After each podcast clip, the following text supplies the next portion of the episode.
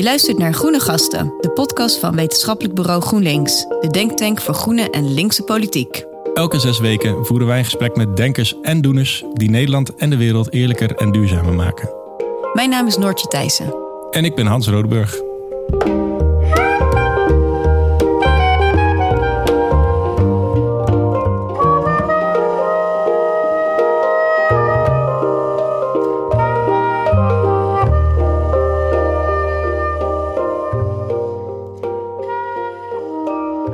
Hans, jij bent er weer. Bij de vorige aflevering uh, zat ik samen met de directeur van de Jardy Beckman Stichting. Maar Ja. nu zit ik weer met mijn eigen collega Hans. Waar was je? Ik eh, was met vaderschapsverlof. Ja. ja, zes weken weg. En nu weer 2,5 weken aan het werk. Dus eh, heerlijk om weer een podcast op te nemen. Ja, gefeliciteerd met je Thanks. dochter. En hoe was het? Zes weken thuis? Intens. Ja, ja nee, ik ben politiek heel erg voor lang vaderschapsverlof. Maar ik vond het ook wel dat je dacht. Ik snap, ik snap, ik snap het ook wel dat, dat, dat het gedaan wordt. Want het, eh, je moet echt helemaal kennis maken met zo'n kind en helemaal doorheen. Maar het is, eh, het is pittig. Het is geen vakantie. Nee, hè? Geen Ja. boeken gelezen. Nou, dat wel. Maar dat, Oh. dat kan er altijd wel tussendoor, ja. Ja, Ja. Nou, fijn dat je er weer bent. ja thanks. En we zijn eh, vandaag met een grote groep. Meestal hebben we twee gasten in de studio, maar vandaag hebben we drie gasten in de studio. We gaan het hebben over een superbelangrijk en actueel thema. We gaan het hebben over antiracisme. En we hebben, ehm, nou ja, allereerst Jerry Afrier hier naast ons zitten. Hij is dichter en activist. Daarnaast eh Jair Schalkwijk, projectleider bij Control Alt Delete. Jullie houden je bezig met etnisch profileren. En Ruward Gansenvoort. Jij bent eh, Eerste Kamerlid van GroenLinks. Maar je zit hier vooral ook als voorzitter van een onderzoekscommissie van de Eerste Kamer. Jullie hebben onderzoek gedaan naar de effectiviteit van antidiscriminatievoorzieningen. Klinkt als een hele mond vol. Kun jij kort aangeven waar jullie onderzoek naar hebben gedaan?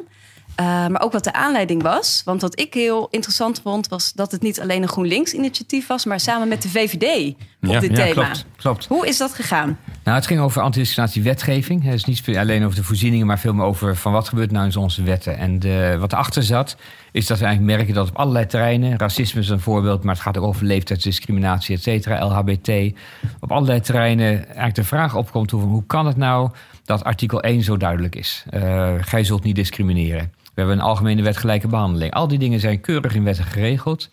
En toch hebben we een toeslagaffaire. En toch hebben we discussie over etnisch profileren. En toch hebben we een belastingdienst. En toch, hoe kan dat nou? En dat is niet dat je alleen maar zegt van uh, mensen hebben nu eenmaal de neiging om, uh, om anders naar iemand te kijken die niet op hen lijkt. Hè. Dat is een soort ingebakken psychologie. Maar dat kun je nog begrijpen. En dan kun je wetten tegen hebben die dat proberen tegen te houden. Maar het is de overheid ook zelf. En dat wat eigenlijk het meeste puzzelde van hoe kan het nou dat die overheid zich niet houdt aan die wetten die daar nou juist voor bedoeld zijn. En ja. hoe, hoe, hoe, heb je de VVD zover gekregen om, om aan, aan dit onderzoek mee te doen? Want het, normaal zijn dat niet de meest uitgesproken tegenstanders van, uh, op dit onderwerp. Nou ja, weet je, discriminatie is niet een links- of een rechts ding als zodanig. Nee. Uh, het is iets wat, uh, wat denk ik alle goede liberalen uh, en linkse mensen en progressieve mensen maar ook, uh, uh, ook bijvoorbeeld de, de, uh, de christelijke partijen. op, eigenlijk heel breed in de Kamer. Iedereen zegt van natuurlijk zijn we tegen discriminatie. Oh. Bij, bijna iedereen, oké. Okay. Maar toch wel heel erg breed.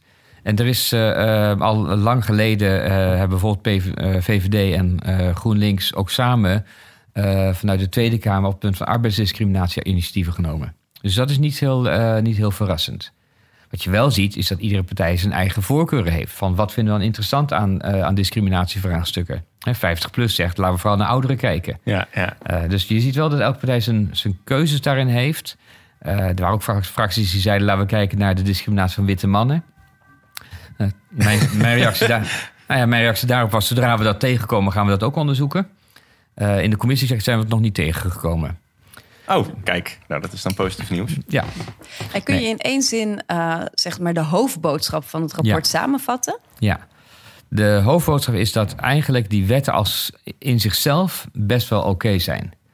Alleen we maken het met name vanuit Den Haag bijna onmogelijk om het goed te doen. Ik zeg maar even een beetje scherp. We maken het bijna onmogelijk om het goed te doen omdat de overheid geen vertrouwen heeft in burgers en daardoor discriminatie eigenlijk als het ware inbakt omdat ze uh, eigenlijk geen aandacht heeft voor mensen, voor wat ze nodig hebben, maar het als een systeem alleen maar bekijkt.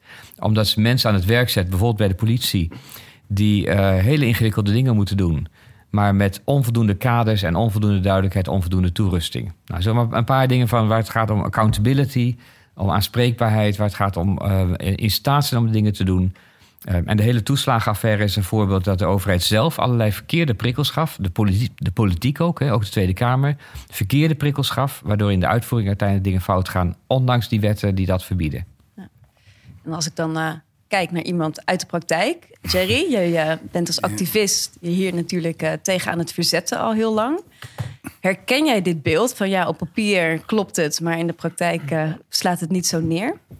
Um, ik denk dat het op papier ook niet helemaal klopt. Uh, maar het is wel op papier beter geregeld dan in de praktijk, om zo te zeggen. Mm. En ik denk dat wel goed is dat um, onderzoek er is. Het is alleen, ik had, uh, ja, ik, ik had gehoopt dat het er nog uh, verregaand zou zijn met betrekking tot hoe we uh, discriminatie en racisme gaan bestraffen, bijvoorbeeld in de mm. praktijk. Mm. Want het, het vindt plaats. En ik denk dat heel veel burgers er gewoon bijvoorbeeld geen meldingen doen.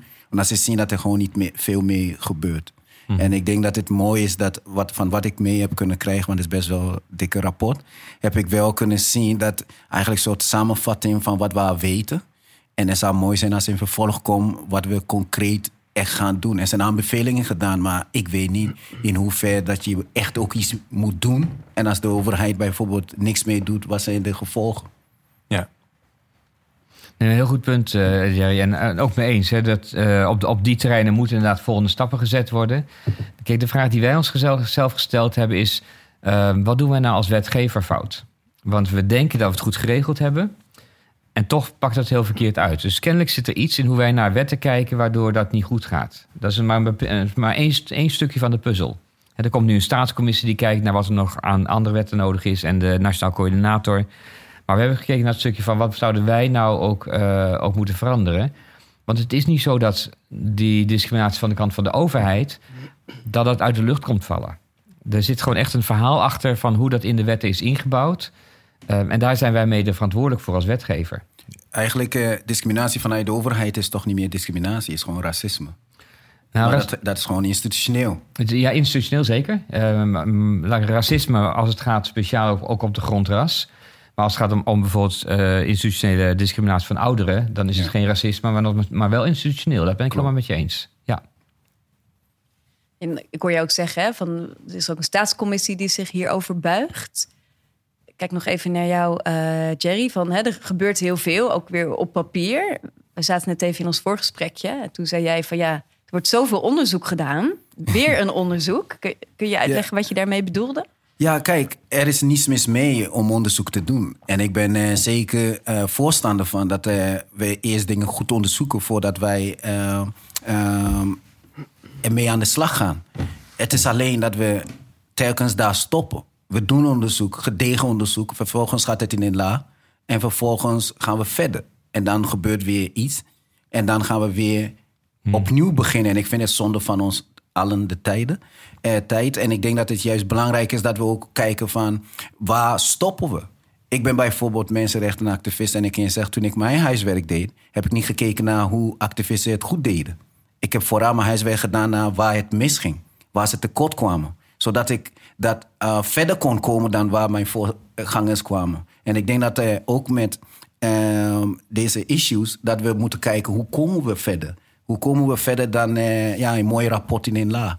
En dat is er meer. Dus ik, wij pleiten ook in ons uh, SWAT manifest, pleiten we voor staatscommissie.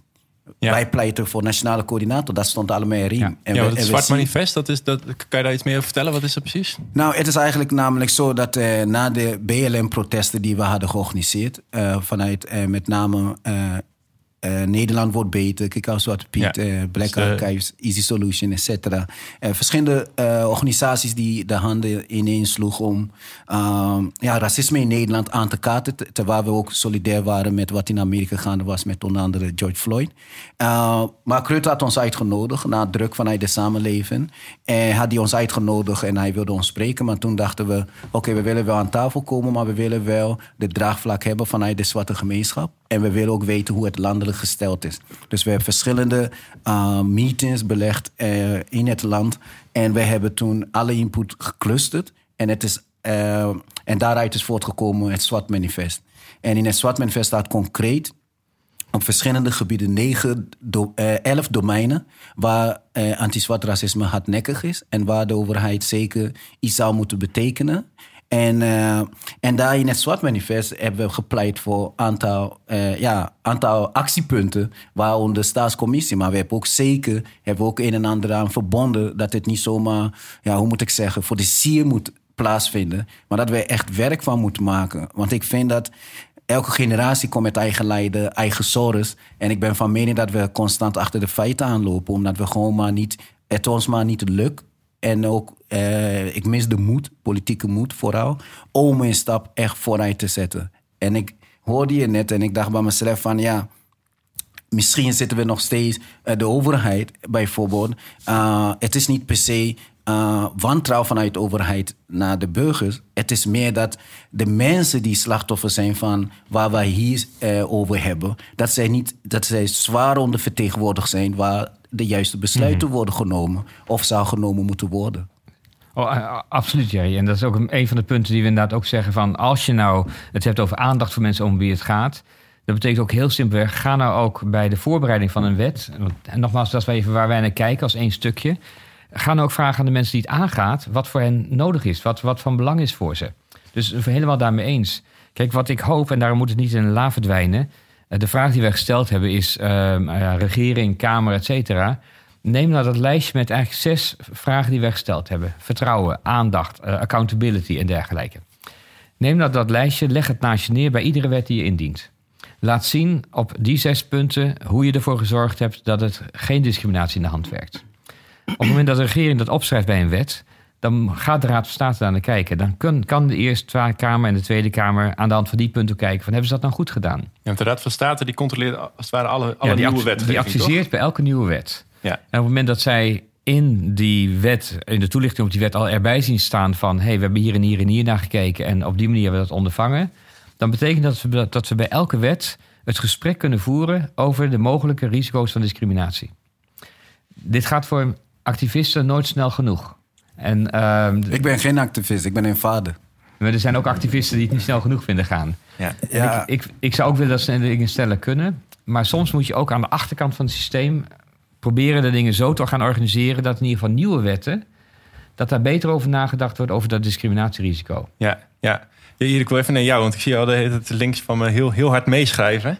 Uh, wat, wat is jou allemaal te binnen geschoten? Wie schrijft, wie schrijft die blijft. Ja, uh, precies. Ja. Um, het, het, het, uh, het, het, rapport van de Eerste Kamer bestond uit één hoofdrapport en dan vier deelrapporten op vier verschillende domeinen. Dus help me even: arbeidsmarkt, sociale zekerheid, onderwijs en, en, politie. En politie, precies. En vanuit controle Altelied hebben wij dan met name gekeken naar, naar de politie. Um, wij zijn ook vanuit controle Altelied gevraagd als een van de experts om in de Eerste Kamer ja. input te geven vanuit de praktijk. Het rapport, het deelrapport over de politie, is heel concreet eigenlijk. Dus ik wil, er staat bijvoorbeeld volgens de commissie. Ik, ik lees even een zin voor uit het rapport, als je het goed ja, vindt. Ja, prima. Volgens, volgens de commissie worden zowel etnisch profileren als discriminatie op de werkvloer veroorzaakt en in stand gehouden door onduidelijke normstelling, gebrek aan leiderschap en professionalisering, een uitsluitende politiecultuur en ontoereikende klachtenprocedures. Zo. Ja, dat is uh, wat ons betreft. Het is hard, maar het is ook een goede weergave van, van, de, van de stand van zaken. En in dat opzicht uh, deel ik ook het ongeduld wat, uh, wat Jerry net ook verwoordde. Um, de, de politie heeft al in 2015 erkend bijvoorbeeld dat etnisch profileren een probleem is. Uh, een VVD-minister heeft in 2016 een beleid gemaakt tegen etnisch profileren. En dat beleid wordt eigenlijk niet uitgevoerd. Wel op papier, maar niet in de praktijk. Ja, want etnisch profileren, heel kort, wat is het ook weer? Etnisch profileren is kort gezegd als je gestopt wordt mede op basis van je huidskleur of vermoedelijke afkomst in plaats van op basis van je gedrag. Ja, ja. Dat, dat is de kort samenvatting. En dat kan, dat kan bij politiecontroles op straat, maar dat kan bijvoorbeeld ook uh, met algoritmes. Dus dat hebben we bijvoorbeeld bij de toeslagenaffaire gezien. Daar werkte de Belastingdienst met, uh, met algoritmes die die vijf criteria hadden. En uh, het hebben van een niet-Nederlandse niet -Nederlandse achternaam of buitenlandse afkomst was dan een van de selectiecriteria. En dat hebben we gezien ook, want uh, meer dan 70% van de slachtoffers van een toeslagenaffaire heeft een migratieachtergrond. Nou goed, wat we zien bij de politie is dus dat, dat die aanbevelingen er eigenlijk al heel lang liggen, maar dat ze niet opgevoerd worden, niet uitgevoerd worden, niet opgevolgd worden. een van de adviezen van de Eerste Kamer, van de onderzoekscommissie moet ik mhm. zeggen, um, is meer accountability, dus beter verantwoording afleggen. Er worden meerdere rapporten aangehaald waarin staat: dit is echt een goede tool. Dus in het algemeen is dat een advies, hè, voor het, ook voor het overkoepelende rapport. Uh, uitvoerders, waaronder ook de politie, moeten meer verantwoording afleggen over wat ze doen aan de Tweede Kamer. Maar daarvoor moeten ze eerst monitoren er moet bijgehouden worden wat ze doen. Ja, je dwingt mensen gewoon om zelfreflectie. Uh, ja. Ja, ja. Nou, bij de politie kan dat bijvoorbeeld met uh, systematische registratie van met name staande houdingen. De aanhoudingen, dus de arrestaties, die worden allemaal wel geregistreerd. Maar de staande houdingen, de politiecontroles, de praatjes op straat, die eigenlijk allemaal niet. Nou, dat kan bijvoorbeeld met een stopformulier. Dat staat ook in het rapport van de Eerste Kamercommissie. Werk met een stopformulier. Maar de politie die verzet zich daar met hand en tand tegen. Dus als ik zeg ik deel de frustratie, dan zeg ik ook... het is een aanbeveling mhm. die al meerdere keren gedaan is in de afgelopen zes jaar. We weten dat de politie zich daartegen verzet. Gebrek aan draagvlak binnen de politie is het belangrijkste argument daarvoor. En, en dat is een beetje de impasse waar we in zitten bij de politie. Ze willen het niet. En ik weet niet wie allemaal de documentaire De Blauwe Familie uh, heeft gezien. Dat, daar denk ik dan nu meteen aan. Hè? Er is niet alleen maar uh, dat racisme plaatsvindt vanuit de politie uh, richting burgers, maar ook richting elkaar intern in de organisatie zelf. Is dat dan de verklaring waarom er zoveel weerstand is? Of hoe, hoe duid jij dat? De, de Blauwe Familie is een documentaire over uh, racisme en discriminatie binnen de politie. Die hebben wij vanuit Controle Alt Delete geïnitieerd. Twee jaar geleden, ongeveer ook ten tijde van de Black Lives Matter mhm. demonstraties in 2020. Uh, we hebben daar uh, de documentairemakers bij betrokken en mensen uit ons netwerk. En daar zijn andere politiemensen bij, bij aangeschoven. Um, en die film heeft ertoe geleid dat de politie erkend heeft dat racisme en discriminatie binnen de politie een structureel probleem zijn. Uh, binnenkort wordt er een plan van aanpak voorgesteld in de Tweede Kamer. Ik geloof 20 oktober. Daar zijn we heel benieuwd naar. Uh, maar ook hiervan geldt dat het, een, uh, um, dat het iets is wat we al heel lang weten. Dus uit alle onderzoeken die in de afgelopen tien jaar gedaan zijn, blijkt hoe er intern op de werkvloer bij de politie wordt gesproken over mensen die nou ja, anders zijn dan wat zij zien als de norm of wat gangbaar is binnen de politie. Uh, en ik ga die woorden hier niet herhalen, maar als je denkt aan de uh, misstanden rondom de Rotterdamse politieagenten die appten over Humera, dan weet je denk ik wel uh, wat, er, wat er ongeveer speelde. Onder die mensen is er inderdaad geen draagvlak om, om tot die gewenste verandering te komen.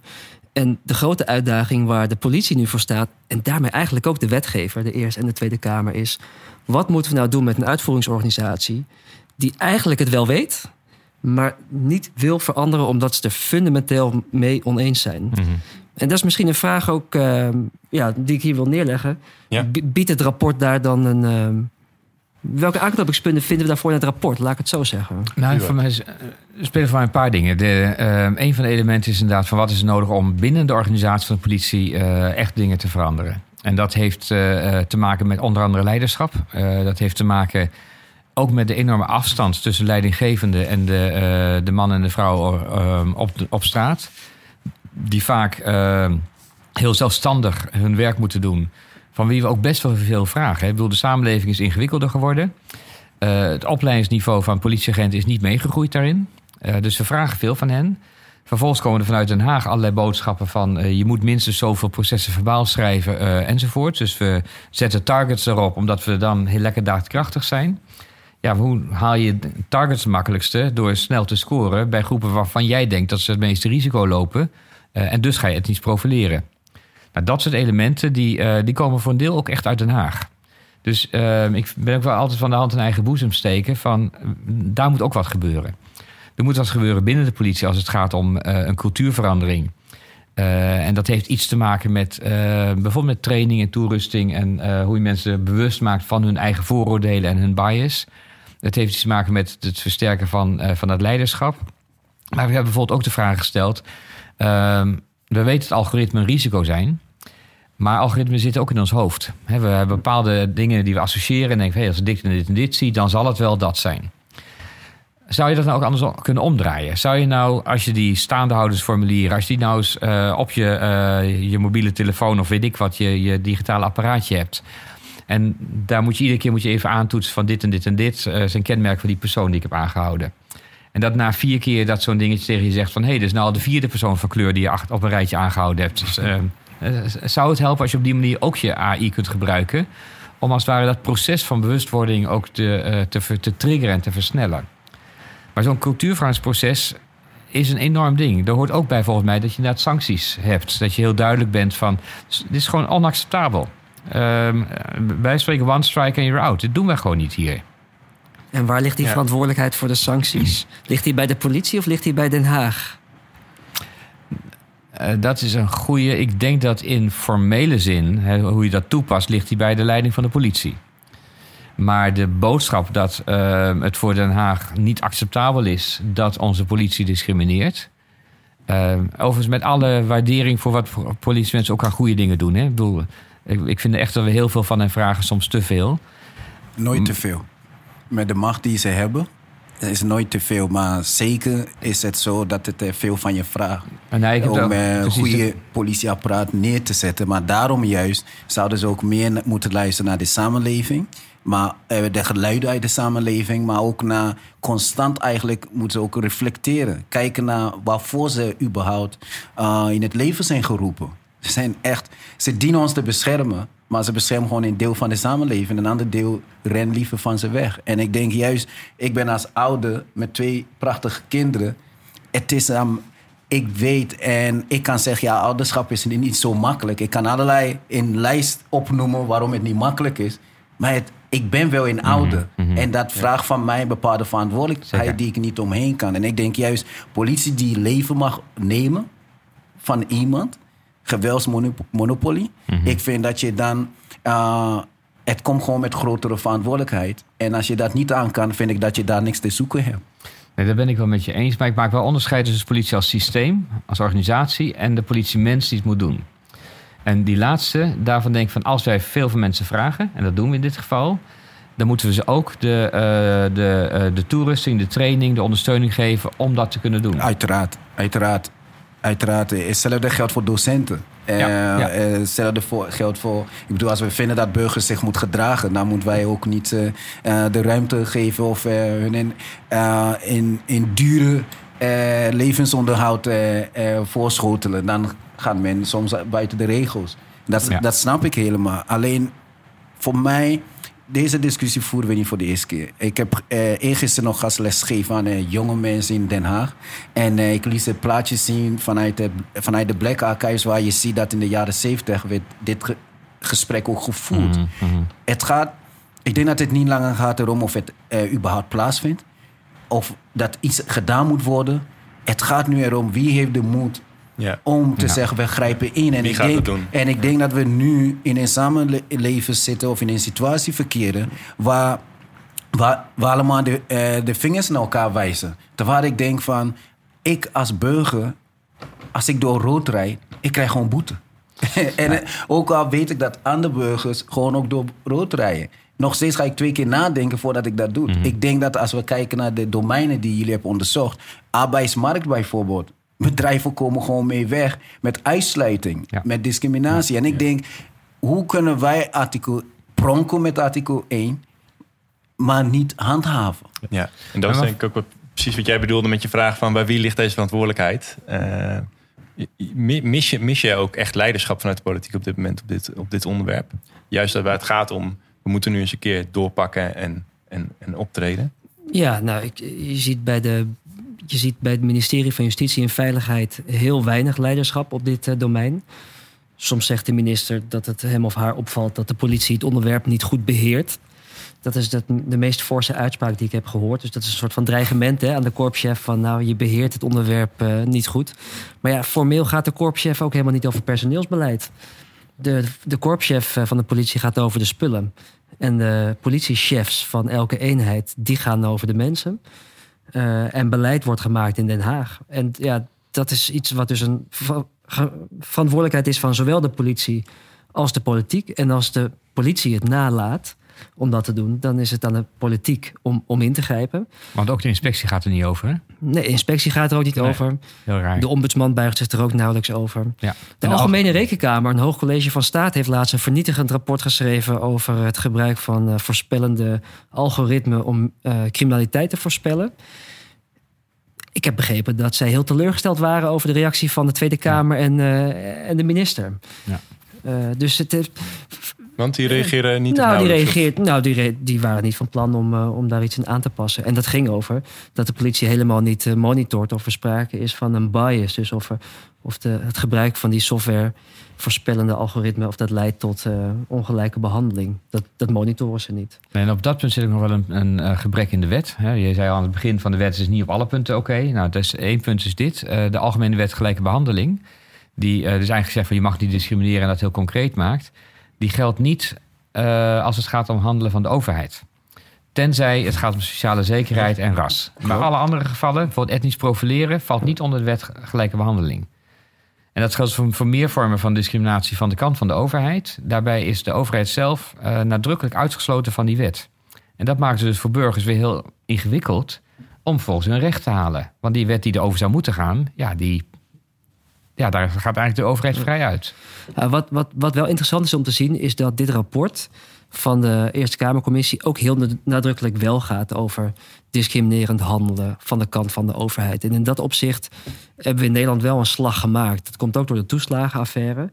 Maar waar we tien jaar geleden eigenlijk alleen maar spraken over discriminatie tussen burgers onderling, is nu de overheid als discriminerende partij veel nadrukkelijker naar voren gekomen. Ja. Ja. Dat, is, dat is wel een stap die we gezet hebben in Nederland. Uh, mede als gevolg van de druk van maatschappelijke organisaties en burgers, uh, voeg ik daar dan aan toe. En nu is de vraag, hoe vertalen we dat dan ja.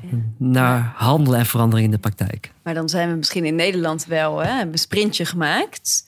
Maar hoe verhoudt Nederland zich tot andere landen? Door de, de, incidenten die er zijn geweest, die, die, hebben ook in Amerika bijvoorbeeld plaatsgevonden. Um, waar, waar staat Nederland in het het is moeilijk te, uh, om te vergelijken. Um, omdat Amerika doet uh, dingen goed, maar doet ook heel veel niet goed. Engeland heeft uh, nadat duizenden mensen, net als in Nederland, de straten waarop gaan, heeft Nederland, Engeland eigen rapport uitgebracht waar ze zeiden er is geen sprake van institutioneel racisme. En ik bedoel, dat is hetzelfde land die zei van bij ons gaat de zon nooit onder. Weet je, in onze mm -hmm. empire. Dus um, ik zou niet vergelijken. Maar ik zou wel zeggen dat in Nederland. Er is nog steeds. We hebben nog steeds moeite om te erkennen dat we gewoon een systematische probleem hebben. Die uh, opgelost, alleen opgelost kan worden als we echt uh, normen gaan stellen. En, en met z'n allen paal achter artikel 1 gaan staan. Maar ook uh, niet bang te zijn om de wetten aan te passen waar nodig is, zodat het uh, aansluit aan uh, de huidige maatschappij waar we met z'n allen in bevinden. En dat zie je ook. Waar je bijvoorbeeld in het SWAT manifest gezegd dat de staatscommissie moet programma's van politieke partijen gaan toetsen. Hmm. Op dingen racisme en discriminatie omdat we zien gewoon dat steeds meer partijen gewoon racisme in de eten kunnen gooien. En ja, burgers zijn boos. Dus ja, wie jouw onderbuikgevoel eh, zeg maar ervult, ben je tevreden. Maar er is gewoon, de maatschappij is anders, is veranderd. Het is niet meer uh, wit en uh, de, de rest. Het is wij. En mensen die het dreigen misschien wel teniet te doen de vooruitgang die we hebben geboekt. En mensen die dreigen, ja, ik vind dat ze en mensen zijn die uh, ook uh, die meer dreigen de gezamenlijke toekomst te voorkomen. Daar zit wel mijn grootste zorg misschien wel op dit moment. Dat, kijk, in de jaren zeventig, uh, je zou kunnen zeggen, toen waren heel veel mensen zich niet bewust van hoe discriminerend sommige uitspraken waren. Zwarte Piet, vul maar in. Inmiddels weten we dat. We zijn nu de, de, die onschuld zijn we wel voorbij. Er is een breed besef dat dat soort dingen problematisch kunnen zijn. Maar wat je nu ziet is eigenlijk misschien nog wel ingewikkelder. Dat er een groep is in de samenleving. En soms denk ik wel een, een groeiende groep, in ieder geval in sociale media. Die willens en wetens zegt van ik heb daar helemaal geen boodschap aan. Uh, uh, soms zeggen ze nog ik ben geen racist, maar. Uh, maar ik hoor steeds vaker ook gewoon echt gewoon onversneden racisme. Wat op, op een soort trots manier gebracht wordt. En dat vind ik zorgelijk, omdat ik het gevoel heb dat daarmee eigenlijk ontwikkeling van, uh, van heel wat jaren ook uh, nou, misschien wel teruggedraaid wordt. We hebben ook, kijk, we hebben leider, leiderschap nodig. De ja. regering is eigenlijk, dat, dat zijn de ouders. En wanneer de ouders hun, taak, hun taken verzaken, gaan de kinderen maar op zoek naar iets anders. En of gaan ze elkaar opvoeden. En dat leidt meestal niet tot de gewenste resultaat. En ik denk juist dat als we over discriminatie en racisme hebben, ik herhaal nogmaals, we laten weg de mensen die het meemaken. Als ik naar mijn huisarts ga, alleen ik kan tegen mijn huisarts zeggen waar ik mm -hmm. pijn heb. Mm -hmm. Mijn huisarts kan me niet binnen zien komen en zeggen: Ah, Jerry, schouderpijn, kom zitten. Ik moet het. Zou een tophuisarts zijn. Ja, dat bedoel ik. Maar dat is wel wat gebeurt als over discriminatie ja. en racisme ja. gaat. Dat mij verteld wordt wat het wel is en niet. En waardoor we constant achter de feiten aanlopen. Ja. Was, en het is, geloof me, voor veel mensen is het heel moeilijk om aan te geven dat ze gediscrimineerd worden. Dat ze uitgesloten worden. Of het gaat over handicap, of het gaat over uh, uh, leeftijddiscriminatie, of het gaat over huiskleur, afkomst. Het is moeilijk, omdat mm -hmm. het land is helemaal niet uh, ontvangend om iets aan te doen. En ik denk juist dat waar wij nu verkeren een aantal jaren, is dat we gewoon echt de politieke moed nodig hebben, ook voor GroenLinks. Ik heb gezien in Amsterdam, waar we iemand eh, meer dan 10.000 eh, stemmen had gekregen. En iemand met 500 nog wat gewoon eh, dingen voorzitter kon worden. En de andere niet. Hoe kan dat? GroenLinks, al jaren hoor ik hoe progressief GroenLinks is. En dan zie ik zo in praktijkvoorbeeld dat ik denk, hoe kan dat? Dus er is gewoon werk aan de winkel. En de mensen die nu het probleem willen oplossen, zijn niet de mensen die het probleem kunnen oplossen. In ieder geval niet in hun uppie. Mm -hmm. Daarvoor denk ik dat we echt een gezamenlijk iets moeten zijn. Maar dan moet ook de ruimte bestaan, zodat we bijvoorbeeld civil societies, organis uh, maatschappelijke organisaties aan tafel brengen. Contra de Lead doet heel veel. Maar er zijn ook heel veel tafels waar ze worden uitgesloten. Ja. Terwijl ze keer op keer bewezen dat ze de expertise hebben ja. opgebouwd en dat ze weten waar ze over hebben. En ja. daarom denk ik van dat de overheid heeft niet wantrouwen naar de burger toe. De overheid heeft wantrouwen naar uh, grassroots organisaties en uh, zelforganisaties die uh, heel veel werk verrichten voor noppels. En, die, en daar zijn ze bang voor, omdat ja, die raken de kern hoe we tot een oplossing kunnen komen. Ja, ja. ja hier kun jij daar dat, dat verder invullen? Want ik hoor hè, jou zeggen, Jerry, van nou, Ctrl-Delete je zit ook niet altijd aan de juiste tafels. Waar had jij bij willen zijn, waar je niet bent uitgenodigd uit je organisatie? Nou, het, is, um, het, gaat, het, gaat een beetje, het gaat een beetje in golfbewegingen. Um, wij hebben onszelf de kritische gesprekspartner van de politie genoemd. Uh, dat hebben we bewust zo gedaan omdat we altijd in gesprek willen blijven met de politie. Uh, het is de verandering die vanuit de politie zelf moet komen, uh, niet vanuit ons. En daarom moeten we ook dat gesprek blijven voeren intern.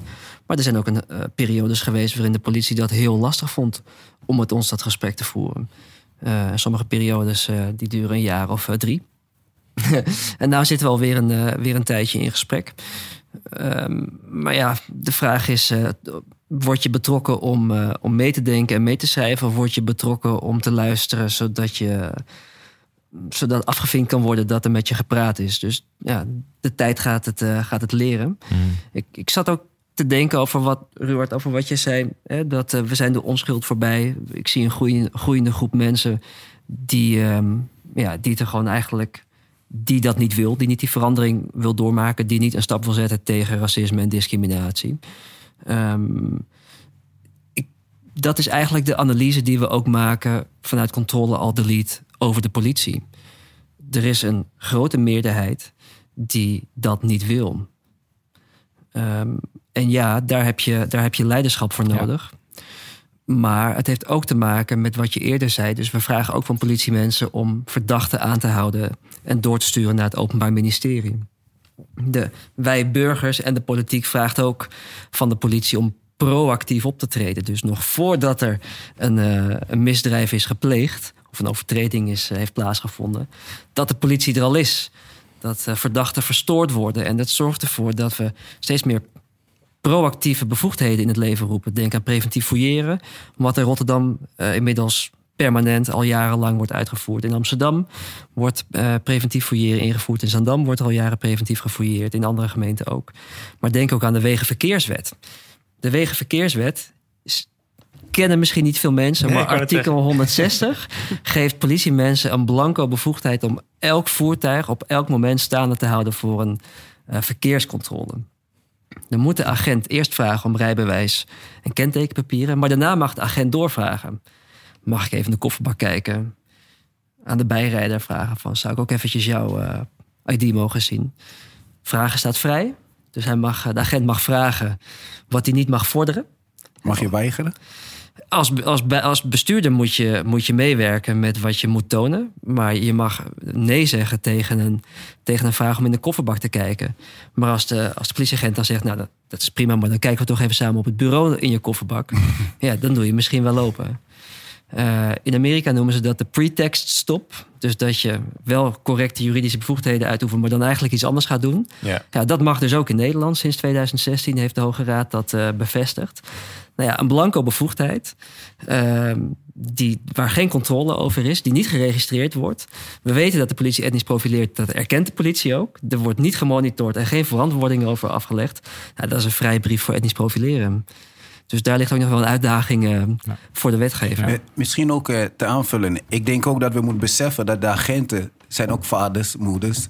ze, ze groeien ook op in dezelfde samenleving waar racisme gewoon onderdeel van is, helaas. Dus ik denk juist dat wij de agenten, je had het eerder over van we moeten uh, ze de juiste uitrusting meegeven, zodat zij hun taak goed kunnen uitvoeren en dat we ook ze kunnen veran, verantwoordelijk kunnen houden. Dus ik denk juist dat de, het gegeven dat een politieagent eigenlijk, net zoals zegt Blanco, eh, eh, mag mm. doen en laten wat hij wil. Ik denk dat we daarmee al sowieso onszelf opzadelen met het probleem.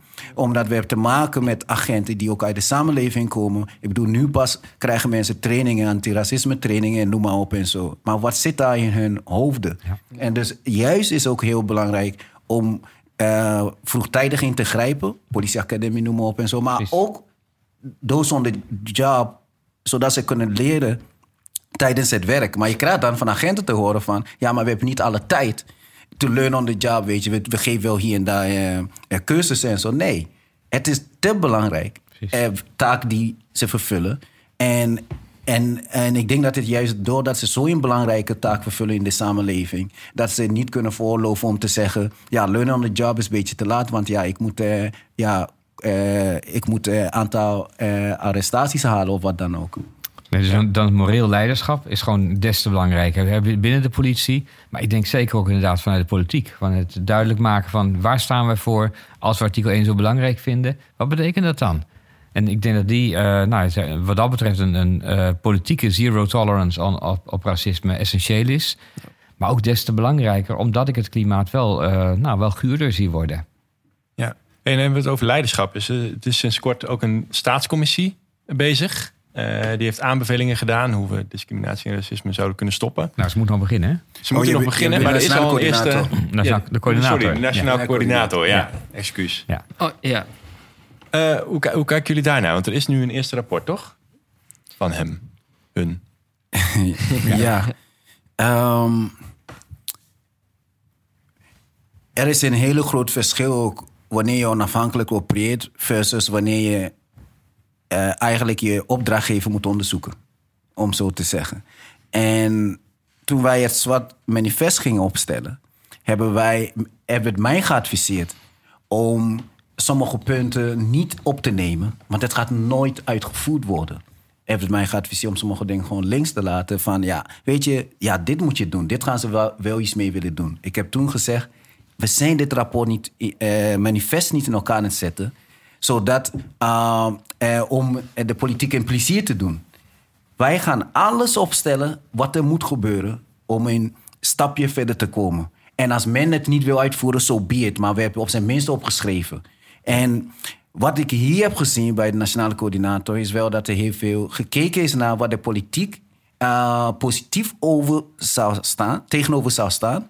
In plaats van te kijken wat er werkelijk moet gebeuren. Ik had liever dat hij gewoon een hele radicale rapport had uh, gepresenteerd. En misschien maar één ding werd uitgepikt. Maar dan konden we met z'n allen achterstaan van...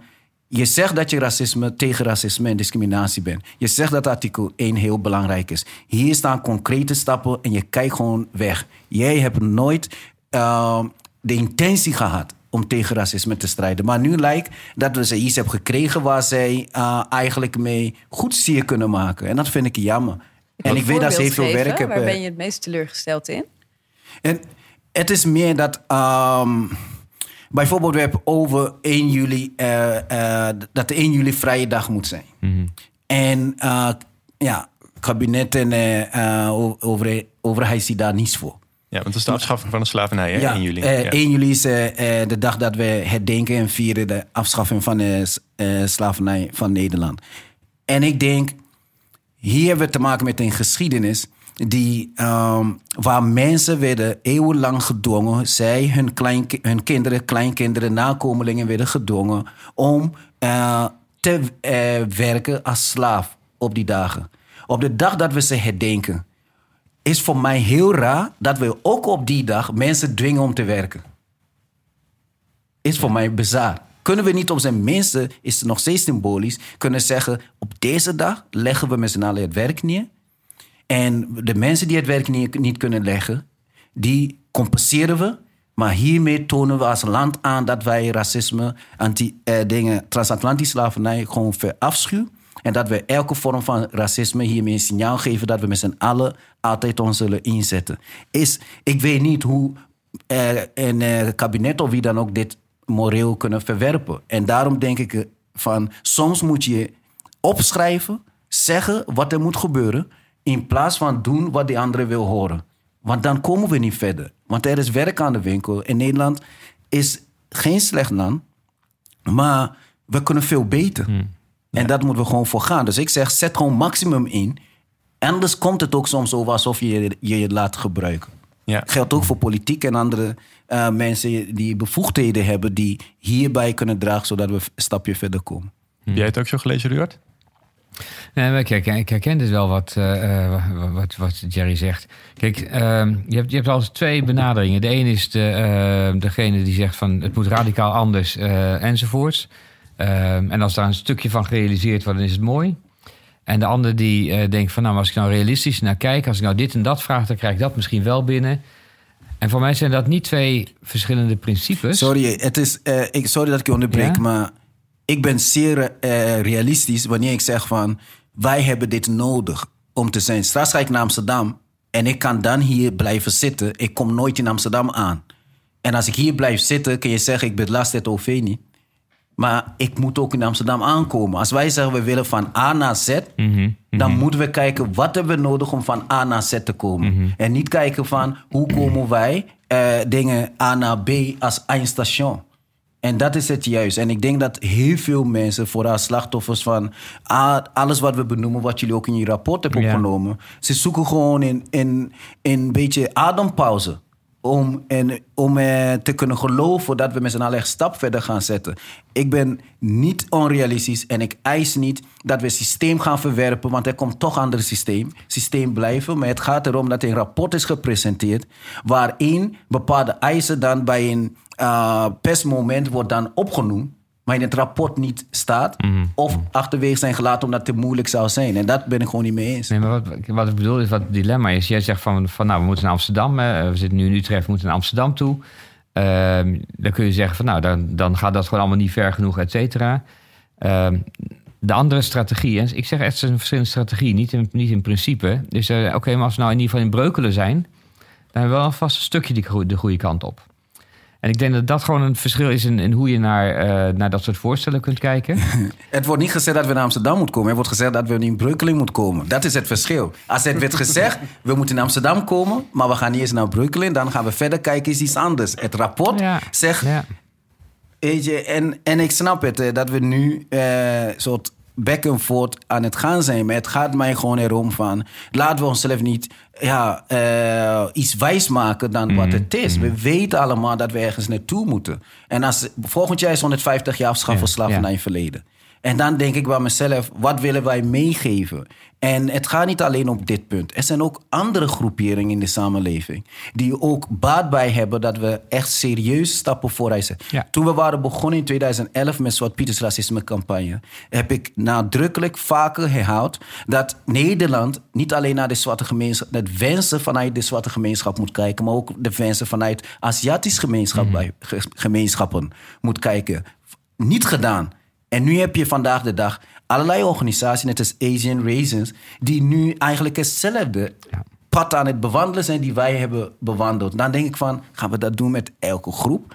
Of gaan we gewoon een keertje een nationale plan hebben? Nou, ja. nationale coördinator is een mooie stap. Maar ik hoop alleen dat die niet alleen kijkt naar de wensen van de opdrachtgever... maar dat die kijkt naar de wensen vanuit de samenleving. Ja, dat is, natuurlijk het essentiële hè, van de mensen die het echt aangaat. eh, die zelf eh, slachtoffer zijn van racisme en dergelijke.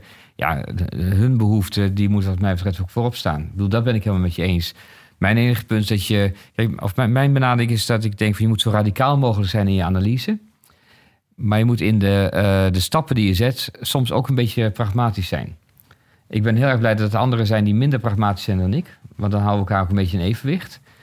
Ehm, maar mijn bijdrage is dat ik met een klein beetje pragmatiek soms de kleine stapjes kan zetten, terwijl ik het over die radicale analyse helemaal eens ben. Kijk ook even naar eh jou, Jair. Want ehm, de coördinator tegen discriminatie en racisme... die heeft hè, een, nou ja, niet alleen een rapport uitgebracht... maar ook gezegd in een persbericht van... eh, nou, dit, dit ga ik doen. En er zat best wel licht tussen wat er in dat, eh, in dat plan stond... en wat er in het persbericht stond. Ehm, hoe, hoe, heb jij dat gelezen eh, binnen jouw expertisegebied? Als, als, als, als iemand komt, eh, als een organisatie komt met een plan, dan moet je kijken naar wat er in het plan staat en niet wat hij erbij zegt. Eh, dus wij hebben gekeken naar het plan. We hebben ook heel specifiek gekeken naar wat er staat over de politie. En met betrekking tot de politie staat er niet dat we naar Amsterdam gaan. Er staat ook niet dat we naar Breukelen gaan. Er staat alleen, dit is Utrecht in het plan. Er staat alleen een beschrijving in van wat, de van wat de, het beleid van de politie is tegen eh, etnisch profileren en racisme en discriminatie op de werkvloer.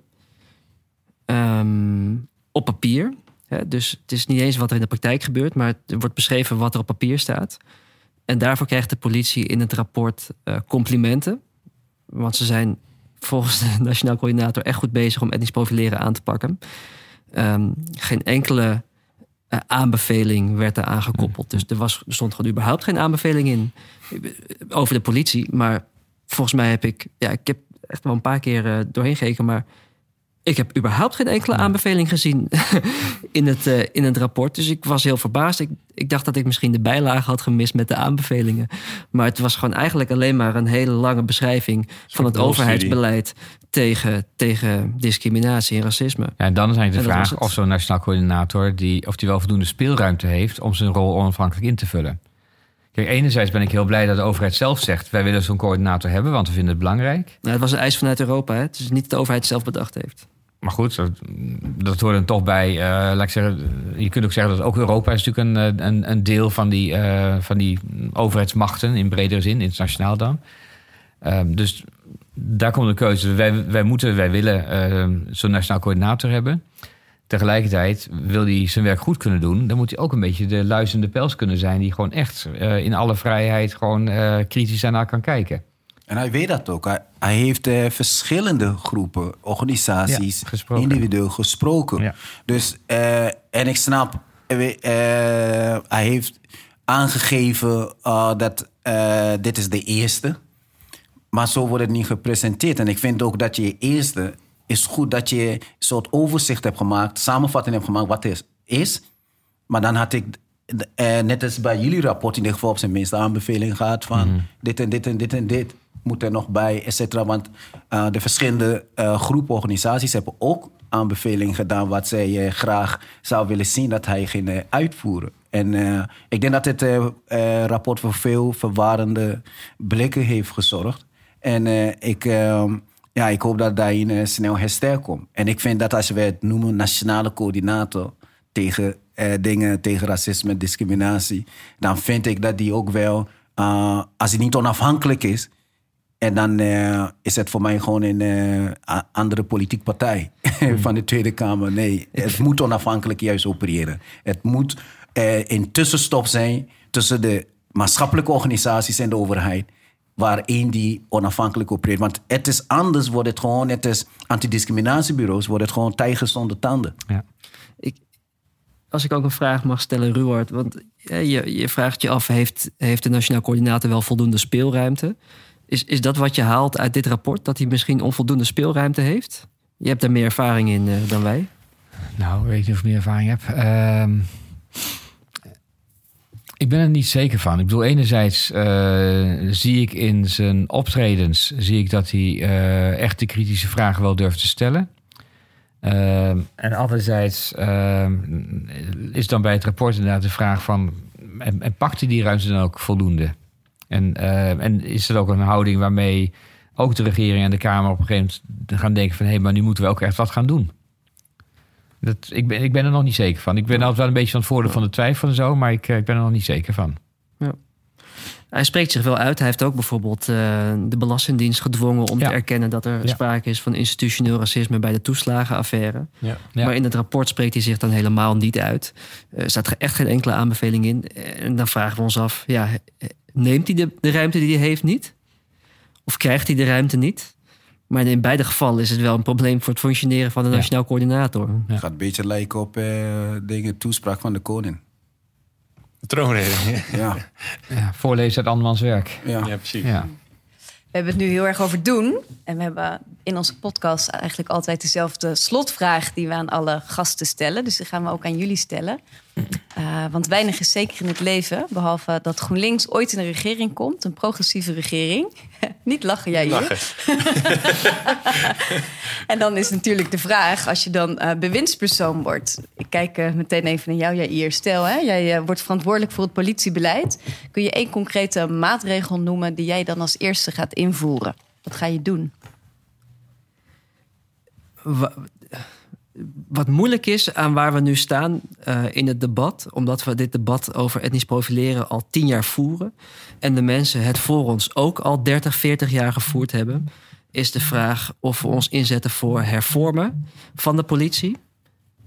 Bewustwording, verandering van binnenuit, van onderop, uh, monitoring misschien, verantwoording afleggen. Of dat die weg niet haalbaar is. Dus idealiter zet je in op het hervormen van binnenuit. Dat is wat je eigenlijk wil. Maar na 40 jaar debat hierover en het halstarrig weigeren van de politie om verandering in te zetten op dit vlak, is dat dan nog een haalbare kaart. Dus ik zou het liefst inzetten op, op dat eerste. En dan met name inzetten op het stellen van een duidelijke norm. Dat is nu eigenlijk wel gebeurd. Maar vooral op het handhaven van die norm. Um, dat gebeurt nog helemaal niet. En als politie hervormen niet meer een optie is, dan moet je kijken naar ja, wat. Dan moeten we het gaan hebben over de bevoegdheden van de politie. Heeft de politie misschien te ruime bevoegdheden? Denk aan artikel 160 van de Wegenverkeerswet. Uh, maar denk ook aan preventief fouilleren. Dan gaat het debat een andere kant op. Maar dan moeten we ook praten over de veiligheid. Eh, de, ehm, de cultuur waarbinnen uh, dit zich afspeelt. Dus het, uh, het debat over veiligheid. Wat vragen we eigenlijk van de politie? Ja. Uh, dat zou dan ook op de schop moeten. Ja. Dus ja, als minister zouden we dat wel dat gesprek wel aan willen. Ja, dan heb je handen dan al vol aan, denk ik. Belangrijke eerste stap. Ruward, als jij minister wordt in het kabinet, wat ga je als eerste doen? Welke portefeuille? Ja, welke portefeuille wil je? Veiligheid en justitie. Oh, veiligheid en justitie. Nou, um, kijk, mijn, mijn taxatie zou zijn: uh, we kunnen niet zonder politie. Uh, dus op de een of andere manier zullen we ermee moeten dealen. En op de een of andere manier is dus uh, het ook geen keuze dat het tot die hervorming zal moeten komen. Uh, ik ben trouwens ook voor het uh, beperkt houden van bevoegdheden, strikte controle. ik zou op twee dingen, denk ik, inzetten die heel erg met elkaar te maken hebben. Het ene is uh, veel meer energie steken in farming, training en morele, moreel bewustzijn. alles wat daarbij hoort. En het tweede is, ik zou dat ook willen ondersteunen met de ontwikkeling van die staande houdings-app.